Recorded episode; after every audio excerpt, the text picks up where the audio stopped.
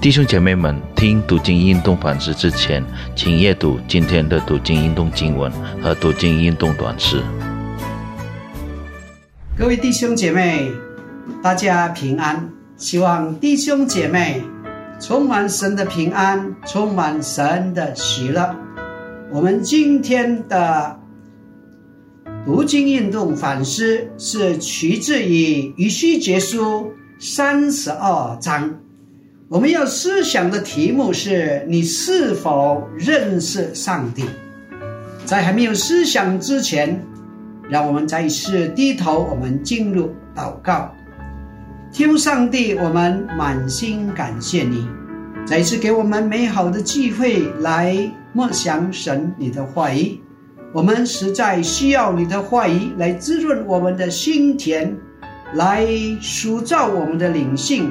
来更新我们，好让我们可以越来越像主耶稣基督，成为主真正的好门徒。你带领赐福这个时间，我们全然的交托。我们是这样祷告，是奉靠耶稣圣名求，阿门。亲爱的弟兄姐妹。这一章是以西结先知写给埃及的最后一章的预言，这也是一首为埃及而作的哀歌。以西结先知做这首诗歌的时候，犹大已经败亡，而犹大过去所依靠的埃及，如今也已命在旦夕。神在第十节对埃及说：“我在许多国民和君王面前向你抡我的刀，国民就必因你军取，君王也必因你聚起恐慌。在你扑倒的日子，他们个人为自己的性命时刻战尽。”真章经文可以分为两个啊。段落，第一个段落是为埃及法老而写的哀歌，是从第一节到十六节。这部分的终点是在第二节。人子啊，你要为埃及埃及王法老做哀歌。原来这是为法老而写的哀歌。在少爷初一，当时耶路撒冷已经毁灭。事业完成，大约半年后，埃及的埃及也濒临城下。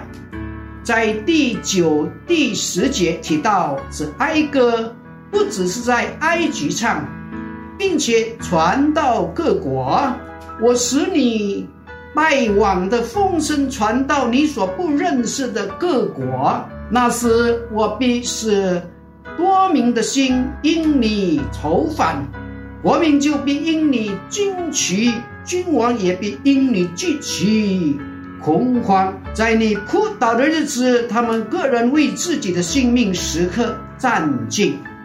原来埃及会影响整个京东的安稳，连列国的君王也在战尽，各国的国民也在那里哀号。非常震撼，比如埃及也是输出粮食的国家，它被毁灭之后，各样的农作物无法运到非洲或是南欧的地区，整个地区、整个地中海的粮食供应都受到巨大的影响。何况当时埃及的政治。影响力非常的大，那些依附着埃及的盟国一定受到巨大的影响。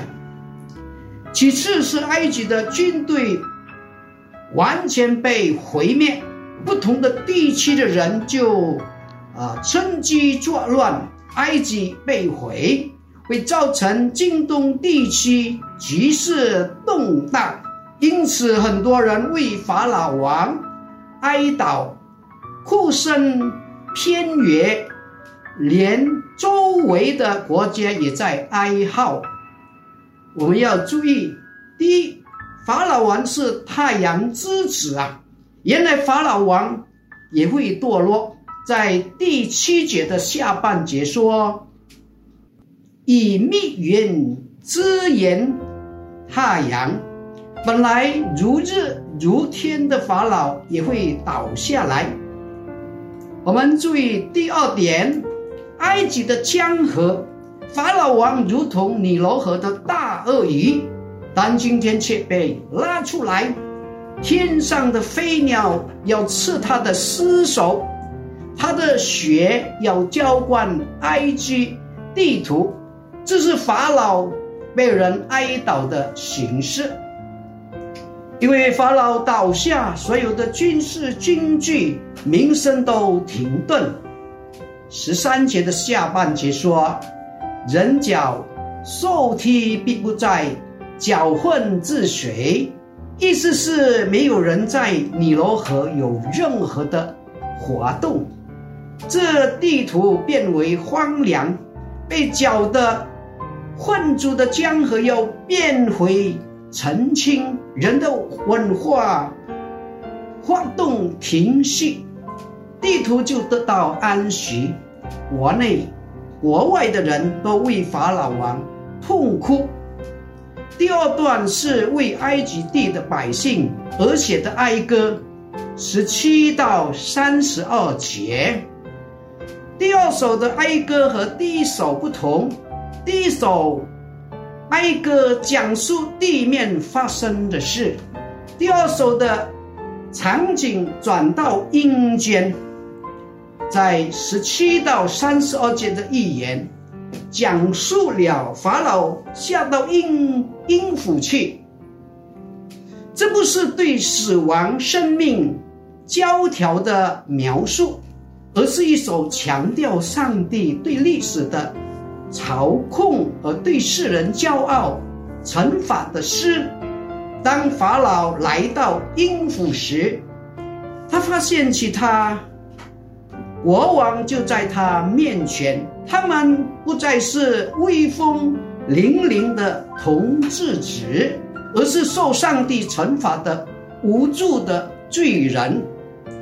坟墓里满是那些曾统治过，啊国家后倒下的君王，他们的辉煌现在已算不了什么了，他们都归于尘土。上帝按照他的公义，能兴起王国，也能够把他们摧毁。上帝所惩罚的民族，都是狂妄的民族，在上帝的创造物中，傲慢和嚣张没有余地的。宣告上帝是万邦独一的真神，每个民族都必须认识上帝。你是否认识上帝呢，亲爱的弟兄姐妹？我们在这地上所依靠的，即使看起来再怎样稳妥强大，它终究不是永恒的。最好的祝福，还是真正的认识上帝，并且单单的依靠他，因为唯有他的带领，才是永恒不变的。他也要爱我们，看顾我们，直到永远。我们再次低头，我们进入祷告。天父上帝，我们谢谢你，透过以西结书三十二章，再次提醒我们，认识神才是最重要，是我们人类。最大的福气，我们不认识神，我们的结局就是灭亡，一点都没有盼望。可是认识神，我们可以受到神的保护，神的爱护，神要常与我们同在，直到永远。求你帮助我们，不断的。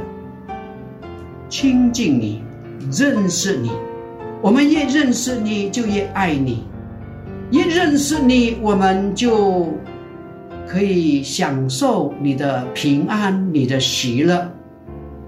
求你赐福我们，帮助我们一天比一天更加认识你。谢谢主，我们这样的祷告是完全的奉靠耶稣圣名求，阿门。但愿弟兄姐妹身体健康，不断的更加认识神。神祝福大家，再见。